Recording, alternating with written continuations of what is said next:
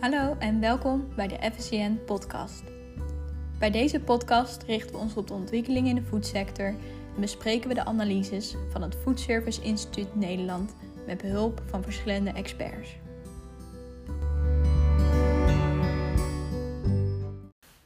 Vandaag bij de FCN podcast spreken we met Henry Vroeling, CEO van de Vital Food Group, Marcel Voermans, productontwikkelaar bij de Vital Food Group en vaste gast van de FCN podcast Jan-Willem Gievink, directeur-oprichter van het FCN.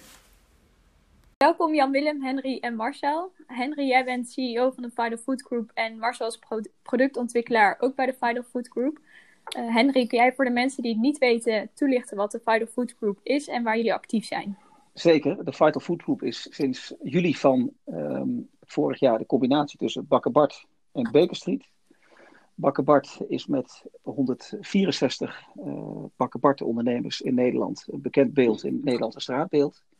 En Baker Street doet voor Shell alle foodservice activiteiten in Nederland, België, Luxemburg en uh, Frankrijk. Wij faciliteren het over-the-counter uh, zeg maar foodservice spel, wat Shell met haar concepten Daily to Go en Daily by Shell doet. En verder doen we nog een aantal activiteiten voor Albert Heijn en een foodservice activiteit voor Boons. Oké, duidelijk. Dankjewel voor deze toelichting. Dan duiken we meteen in het onderwerp van vandaag, namelijk de impact van het coronavirus op de samenleving, op jullie sector en de Vital Food Group. Uh, nu al zien we dat de samenleving door het virus aan het veranderen is en sommige veranderingen zullen dan ook blijvend zijn. Denk aan digitale werkomgevingen en een andere kijk tegen hygiëne en persoonlijk contact. Welke maatschappelijke gevolgen verwachten jullie naar aanleiding van het virus? Nou ja, wat de Rabobank heeft afgelopen vrijdag een um, leuk artikel gepubliceerd. Waarbij zij al uh, ging nadenken en kijken over hoe ziet de wereld er na corona uit. En die vond ik in, in, uh, op twee manieren interessant. Uh, die hebben op een as neergezet van gaan we naar een robuuste welvaart of gaan we naar een efficiënte groei toe. Dus met andere woorden, komen we zometeen weer terecht in de red race waarin we zaten qua economische groei. Of gaan we toch iets anders en robuuster aankijken tegen hoe wij welvaart met elkaar moeten organiseren? Op as 1 en op as 2 hadden zij, eh, gaat dat met weinig of gaat dat met veel overheid uh, gepaard? En daar hebben, hadden zij een groot aantal waardeaspecten in benoemd, die ook voor onze sector, denk ik, uh, mega interessant zijn om ook eens na te lopen met elkaar. Om te kijken wat voor rol dat gaat spelen in, uh, in onze sector. En dat heeft, dat heeft te maken bijvoorbeeld met hoe zijn we georganiseerd? Hoe werken we samen? Uh, de adaptie van uh, digitalisering. De waardering of de herwaardering van, van thuis. Ja. Van, van de buurt, van de kleinste cirkel om ons heen meer focus op uh, gezondheid en hygiëne. Jij noemde dat al, uh, Laila. Is ook zeker uh, eentje die gaat, gaat spelen. Hoe kijken we aan tegen ruimtelijke dynamiek, hè, zoals dat nu zo mooi heet, de anderhalve meter economie. En de rol en het vertrouwen in de overheid. En dat zijn allemaal aspecten die ook gewoon, ja, die gaan invloed hebben op de economie. Die gaan invloed hebben op onze maatschappij, maar die gaan ook zeker invloed hebben op onze sector, denk ik. En kun je schetsen wat, wat dat dan betekent, Harry? Ik ben benieuwd. Hoe zie je dat concreet voor je? Nou, de, de, uh, als je hem gewoon heel concreet plat slaat naar uh, zeg maar de ontwikkeling in de portemonnee van de Nederlandse klant, van de Nederlandse gast, dan, uh, en Jan-Willem, jij weet dat beter dan ik, maar dan zien we altijd een, een, een absolute parallel tussen de ontwikkeling van het consumentenvertrouwen ja. en wat de index van foodservice doet. Nou, in, in, ik denk dat het eerste scenario van het CPB zal niet meer aan de orde zijn. En in alle overige scenario's van het CPB zal de economie een, een echt een gevoelige uh, klap gaan, uh, gaan krijgen. Dus zal er wat gaan gebeuren met het consumentenvertrouwen. Dus gaat er ook wat gebeuren met uh, de bestedingen in foodservice. Ik denk niet dat dat per se negatief is. want we hadden toch al in de toekomst naar een situatie gemoeten dat het kaf van het koren gescheiden zou moeten, ja. moeten worden. Er was te veel foodservice, er was te veel horeca in onze economie en ook uh, horeca en foodservice die niet of slecht rendeerden. Wat ik een interessante vind is, um, uh, wat de overheid nu aan het doen is, is zeg maar met een grote bazooka alles overeind proberen te houden. Uh, dat is goed voor zover dat zeg maar, de gezonde kanten van onze economie betreft. Maar ik hoop ook dat zeg maar, de, de kaf van het koren, dat dat nu ook gaat, een rol gaat spelen. Hoe vervelend dat ook voor sommige bedrijven zal, zal zijn Omdat het gewoon zonde van ons gezamenlijke pot met geld zou zijn om daar ook geld, geld in te steken. Ja, ik vind even, dat, is, dat laatste wil ik even op inhaken. Want een van de grote veranderingen is de enorme waarde aan cash. Want is nu om te overleven de komende drie maanden hebben met bedrijven cash nodig. En de ja. mogelijkheid om cash te krijgen zijn veranderd. Dus dat is een, het hele het hele logische krachtenspel dat je had in de economie, de macro-economie, die is aan het veranderen. En uh, we waren gewend zoals het was. Hè. Je kon op een aantal manieren geld krijgen. En dat is nu opeens zit dat ongelooflijk onder druk. En ik denk dat dat bij jou, bij jullie ook het geval is. Zeker, zeker. Ja. Want kan je iets meer vertellen over de impact die het virus en de bijhorende maatregelen tot nu toe gehad hebben op de Fighter Food Group? Uh, Food Group sorry. Nou, de, ehm, wat Jan Willem net zegt, je ziet uh, zeg maar enorme stress bij onze ondernemers. Of dat nou de retailers van, van Shell zijn, uh, of de Bakker ondernemers uh, zeg maar bij, bij Bakker Die staan er gewoon midden in de heat.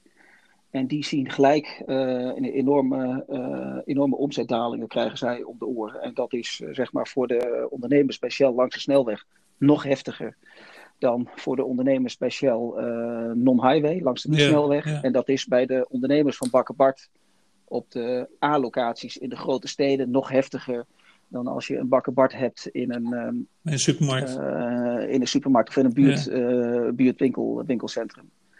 Um, en de stress die dat gewoon oplevert bij die ondernemers is natuurlijk gewoon huge. Hè? Dat is met een aantal maatregelen die wij zelf hebben genomen bij Bakker Bart en een aantal maatregelen die Shell heeft genomen bij uh, Shell en de overheidsmaatregelen, is dat deels ondervangen. Maar we gaan zometeen richting eind april weer een hele spannende uh, met elkaar krijgen. Of het UWV en de overheid in staat is om de nauwregeling niet alleen effectief ingediend te krijgen, maar ook effectief uitbetaald te krijgen voor de salarisronde die we eind april gaan, uh, gaan krijgen. Wat verwacht je? Ja, ik, ik zou het. ik zou het een mega prestatie vinden als dat lukt. Maar ik wij zijn er wel op voorbereid dat dat niet gaat, uh, gaat lukken. Ja. Nou, dus wij hebben ook, uh, zeg maar, ehm, met al onze belangrijke uh, crediteuren en de aandeelhouders ook de afgelopen weken gesprekken gehad om ervoor te zorgen dat wij, zeg maar, in de positie zijn om geld beschikbaar te hebben om daar waar dat moet ook, uh, ook maatwerkoplossingen te kunnen leveren om, om door te kunnen gaan met, uh, met elkaar. En dingen zoals vakantiegeld uitstellen en dergelijke, zijn er ook opties die jullie overwegen? Um, ja, wij, wij, overwegen alle opties. Maar zoals het er nu, nu naar uitziet, en dan spreek ik niet voor de ondernemers, ja. uh, want dat zijn eigen ondernemers. Dus die zullen daar hun eigen afwegingen in moeten maken. maar dan spreek ik zeg maar voor het, het, het, hoofdkantoor, is dat op dit moment nog niet, nog niet aan de orde. Okay. Ja. Maar de, de, de, dat zal ook heel erg afhankelijk worden van hoe de maatregelen eind april, uh, zeg maar, um, uh, door de overheid uh, opnieuw geherwaardeerd zullen worden ten aanzien van uh, hoe we dicht zijn of, of niet. Ja. Ja. Of dat wel aan de orde kan, kan komen. Ja. ja. Ja, tot nu toe zijn de bakker winkels ook nog open natuurlijk voor bezoek, maar zowel ook voor bezorgen. En uh, we noemden net ook al dat er een andere kijk aankomt tegen hygiëne en um, andere ontwikkelingen. Zijn er al ontwikkelingen of innovaties die jullie hebben geïmplementeerd? Nou, de, uh, wat, wat we bij zien is dat de, degene die verantwoordelijk is voor zeg maar, de online uh, propositie aan de achterkant, dat die ongeveer wekelijks de capaciteit moet verhogen, omdat het ene record naar het andere record gebroken hm. wordt. En um, wij hopen natuurlijk ook dat, hè, als je kijkt naar de lunchpropositie, dan heb je het ook gelijk over kansen in het post-corona-tijdperk. De lunchpropositie online was nog relatief onontgonnen in, uh, in Nederland. En wij, uh, wij, wij, zien daar ook echt wel, wel, uh, wel kansen voor na deze periode. Om een gedeelte van die positie die nu opgebouwd wordt ook vast te maken. En dat is niet alleen procentueel, relatief, ten opzichte van de omzet die er nog is, maar ook in absolute zin ten opzichte van, uh, van vorig jaar groeit die, uh, groeit die enorm. Ja. En dat is ook denk ik iets wat in onze sector ook echt wel verandering met zich mee gaat brengen. Zeg maar, als je kijkt naar de, um, um, de het adaptievermogen van uh, de digitalisering en het, het, versnelde adaptie van het gemak van online, gaat echt betekenis hebben. Ja, om... niet alleen, niet alleen zeg maar bij ons, maar ook als je bijvoorbeeld kijkt naar de de waarderingen, de positie van het lokale restaurant, ik kijk alleen al bij mij in de buurt, en het afhalen en bezorgen wat die in de directe omgeving doen, de waardering daarvoor, in combinatie met de herwaardering van thuis, biedt ook weer kansen voor, uh, voor horeca. Ja, helemaal. Omdat... Helemaal eens. Ja. Dus de, de, grote vraag is of uh, dat digitalisering, of we uh, de tools hebben om het te kunnen, en dan ook nog de, de capaciteit hebben om ermee om te gaan. Hè? Hoe snel kunnen we dat uh, kunnen die ondernemers dat ook tot zich nemen? Want in, in principe kon het natuurlijk al lang, maar we hielden het op afstand. En nu moeten we wel, en nu gaan we heel snel leren. En de consument is er bereid om het te doen. Dus dat gaat zeker, denk ik, ook inderdaad de, ja, de hele economie en de verdienmodellen ook beïnvloeden. Absoluut. Ja. Absoluut.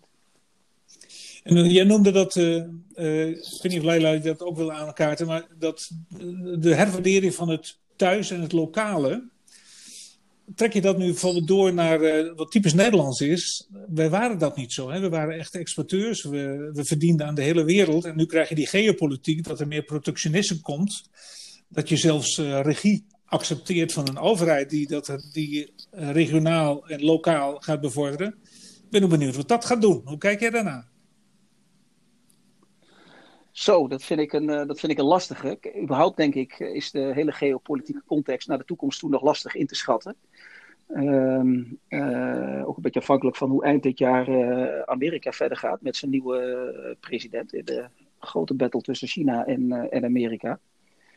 Um, ik, ik, ik, ik, die beweging ja. was er al. Van, van zeg maar eerlijke, gezonde, lekkere producten van dichtbij. Die beweging was er al.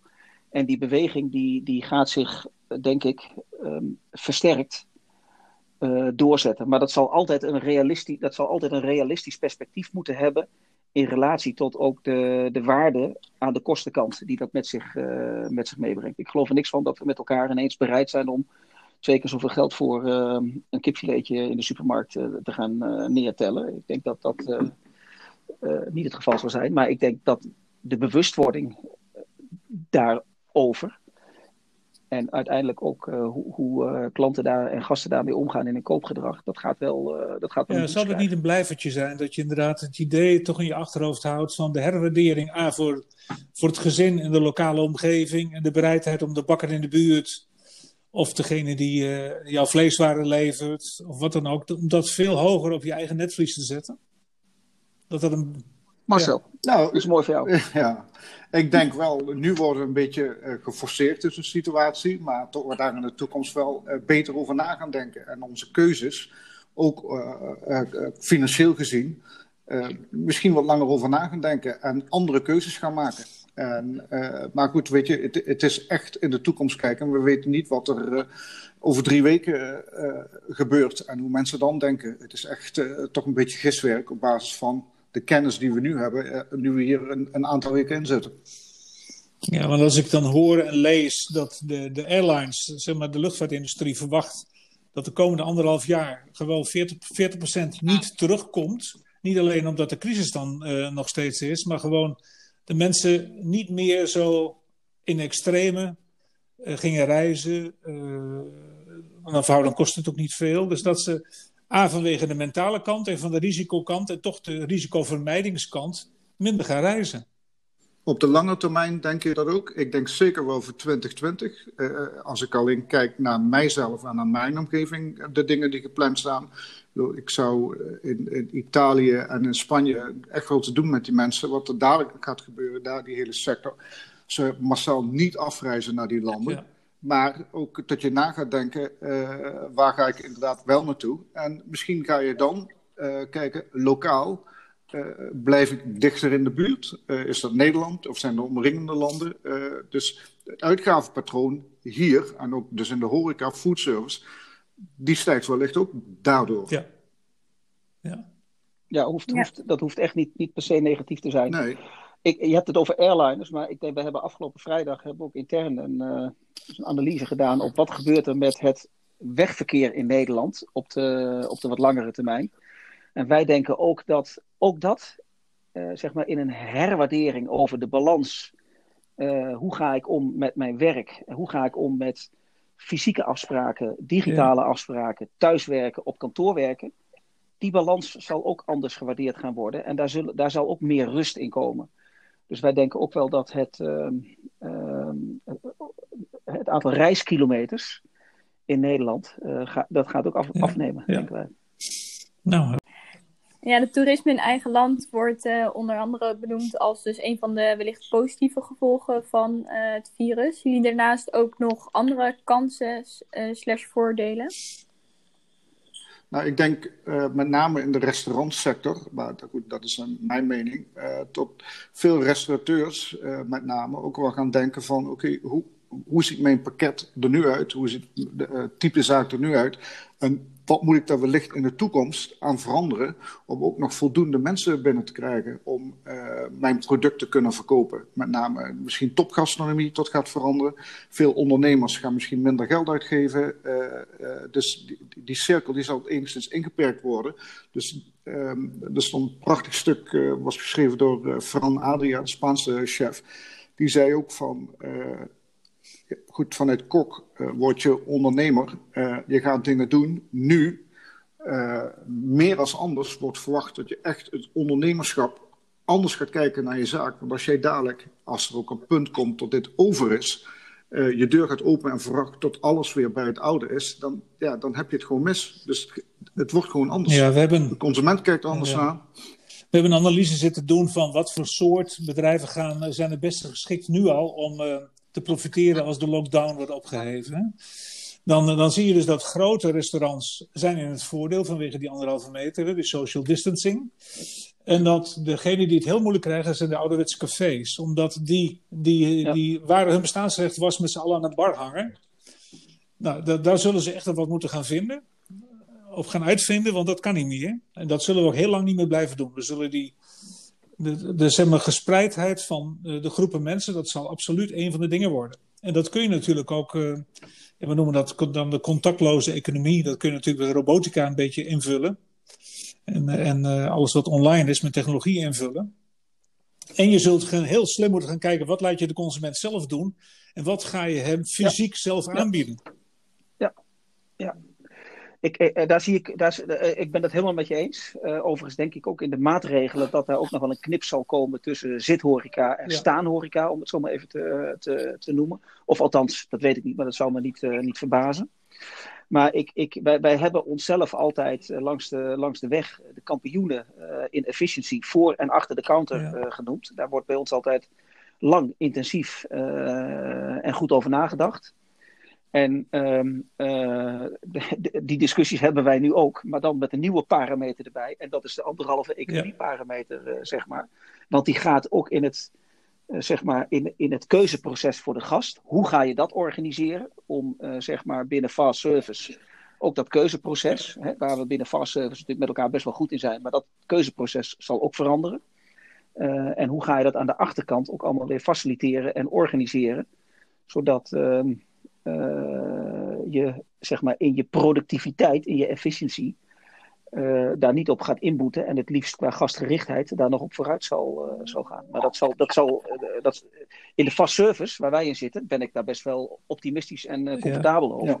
Ja. Maar er zullen andere delen van de horeca zijn die, daar, die dat op een hele andere Zeker. manier En wat dacht je van evenementen waar mensen dicht op elkaar staan? Concerten ja. en dat soort dingen. Daar, ja, dat, dat, maar ik, ik geloof er ook helemaal niks van dat we dit jaar, zeker tot en met augustus, zullen wij nog in een. Wij gaan niet naar het buitenland nee. op vakantie. Wij gaan niet in Nederland massaal op vakantie. Dat gaat nee, gewoon niet gebeuren. Maar ook niet op een kluitje staan. Je gaat ook niet uh, nee. op een. Nee. Ik bedoel, hoeveel uh, concerten zijn er waar je met 20, 30.000 mensen op een kluitje staat? Dat, dat, puur op basis van emotie. Het voelt gewoon niet goed. Dus, uh, en rationeel gezien ga je kan zeggen, ik ga daar gewoon niet naartoe. Dus we hebben een enorm probleem. Wij ja. kunnen onze handel nog in aanpassen. En zeggen, oké, okay, dan maar minder. Maar dat kan dan gewoon helemaal niet. Ja, nee, en dat geldt voor veel. Hè. Dat geldt voor pretparken. Dat geldt natuurlijk voor campings. Ja. campings maar het geldt ook voor de... We gaan in Nederland op vakantie, maar we krijgen geen buitenlanders. Hè. Dus er zit een hele andere dynamiek ook in. Waar gaan mensen naartoe? Uh, dat automatische herverdelen. Wij gaan niet naar, uh, naar Giethoorn, want er komen allemaal Chinezen. Ja, die komen er niet. Uh, dus er zullen ook andere stromen ontstaan. Dus andere, de binnensteden worden misschien wel anders bezocht. Dus ik ben benieuwd hoe dat gaat uitwerken. Ja. Nou ja, en de dynamiek uh, zeg maar, van je eigen postzegel in, uh, in, in Nederland, dat zie ik al bij ons hier in onze kleine biotoop in, ja. in Utrecht. dat, dat is even, even wennen met elkaar voordat je weer op een manier in elkaar klikt die weer voor iedereen comfortabel is. Maar het biedt ook weer dingen waarvan we dachten van, hé hey jongens, dat is toch wel weer lang geleden dat we dat gevoel hadden. Hè? In een, in een, in een hectisch jong gezin waarin iedereen naar sporten en alles uitfladdert, uh, constant de hele week door. Terwijl je nu weer drie, vier keer per week met elkaar aan de tafel uh, zit, ook door de week. Ja, ja, ja, je, ja. Dat, we, ik zeg al, we vliegen terug van de top van Maslow, vliegen we weer terug naar de basis van Maslow. Ja, ja. ja. ja. ja. En we komen erachter dat dat onderdeel van zelfverwerkelijking in de top eigenlijk ook iets is wat er altijd al, wat we ja, wat we misschien even vergeten waren, maar waar, uh, waar zeker ja. herwaardering voor is. Ja, en gaat komen. Ja. Ja. Maar dat gaat ook voor de horeca. De, de, de, je kunt ook die combinatie van thuis in relatie tot de herwaardering voor uh, lokaal en ook het eten van je lokale restaurant in de wijk af en toe thuis laten komen. Wat nooit gebeurde, maar wat nu echt aan het gebeuren is. Ik, ik, waarom gaat dat niet? Dat kan prima ook ja, doorgaan. ze- het kan in, en- eh, in de En- post-coronatijd. hè. In het weekend, je nodigt Ja. vrienden uit. Deels komt van een restaurant. Ja. Deels doe je zelf de wat makkelijkere dingen. Eh, de restaurants zijn er beter in geworden, creatiever. Eh, daar gaat ook weer iets, die hele nieuwe stroming in ontstaan, die daar mogelijkheden in zien. Waarom niet? Ja. Ja, en de technologie maakt het mogelijk. Dus dat is ook. eh, we zijn met z'n allen gewend om straks via dat schermpje iets te gaan doen. Die anderhalve meter economie, waar we straks over hadden, dat jij noemde het al, Henry, dat betekent ook iets voor de manier waarop je je kosten moet toerekenen en de verdienmodellen moet opbouwen. Hè? Gaat dat nou leiden tot hogere prijzen? Ik denk het niet. Ik denk. ehm, eh, nee, ik, ik denk het niet. Ik denk dat wij een, een, een, een creatief, innovatief, ondernemend eh, volk zijn. En ook een sector zijn. En ik denk dat wij in staat zijn om door andere manieren van organiseren, sturing van eh, zeg maar het medewerkersproces aan de achterkant en het gastproces aan de voorkant. ehm, daar kunnen we nog heel wat op winnen. En ik denk niet dat dat tot andere prijzen zal, zal leiden. Ik denk ook sowieso dat het, dat het lastig gaat worden, omdat we na deze situatie ook nog een situatie gaan krijgen dat, eh, dat Ja. de economie een flinke klap Dat- gaat, gaat krijgen. Waardoor het, het kijken naar prijzen ook, een, eh, eh, ook weer anders is dan Ja, de prijswaarde gaat jaar nog een belangrijke rol spelen. Maar waar jij mee begon, Ja. dat geloof ik ook hoor. Dat Er gaan zoveel horecaondernemers gaan omvallen omdat er veel te veel was. Jij noemde dat een gezonde sanering. Dat betekent natuurlijk ook dat de, eh, er een zekere, vergeleken bij wat er was, een zekere schaarste komt als het gaat om plekken. Maar dat moet ook vanwege die anderhalve meter. Maar uiteindelijk zul je bijvoorbeeld, als je nu 86 tafeltjes had, je kunt er straks misschien maar eh 45 overblijven. Eh, dan moet je die wel vol krijgen, wil je nog überhaupt wel productiviteit, kunnen halen. Dus je moet toch wel anders gaan nadenken over misschien wel grondstoffen. Dan kom ik weer bij jou, Marcel. Eh, anders opbouwen van je menu. Dus er zal veel anders worden dan het was. Dat kan goed. En dat, dat is wat ik straks zei. Ook restaurateurs moeten echt gaan nadenken van hoe ga ik, eh, of niet alleen mensen, de, hele foodservice moet gaan nadenken van hoe wil ik de gasten dadelijk verwennen en hoe lang blijven die aan een tafel zitten. En inderdaad, als je maar de helft van de tafels hebt staan en je hebt een aantal uren in de avond, moet je misschien een tafel twee of drie keer bezetten om aan dezelfde omzet te komen en eh, je, je restaurant rendabel te houden. Of eh, je zaak wat dan ook, eh, bar. Of, eh, maar de, de, de ondernemers moeten creatiever worden. Ja. Maar denk jij, Jan Willem, dat, dat. Want op zich is het natuurlijk heel logisch om dat door te vertalen in een prijsdruk, om die margestructuur overeind te houden. Maar daar zit natuurlijk ook Ja, gewoon een grens aan. Dat, dat kun je niet eh één Nee, op één ik geloof ook dat, is, je veel meer contactloze dienstverlening gaat krijgen. En dat je de gast ook een aantal dingen zelf laat doen die je vroeger, waar die achterover zat en wachtte totdat iemand kwam. Maar dat, ik denk dat je de, de middel van zelfbediening en eh, zelfservice-achtige en ook via eh, robots bestellen of via je schermpje bestellen, dat er eh, een stukje productiviteit gewonnen kan worden, wat vergeleken bij vroeger. In het mes- en de bedieningshoreca.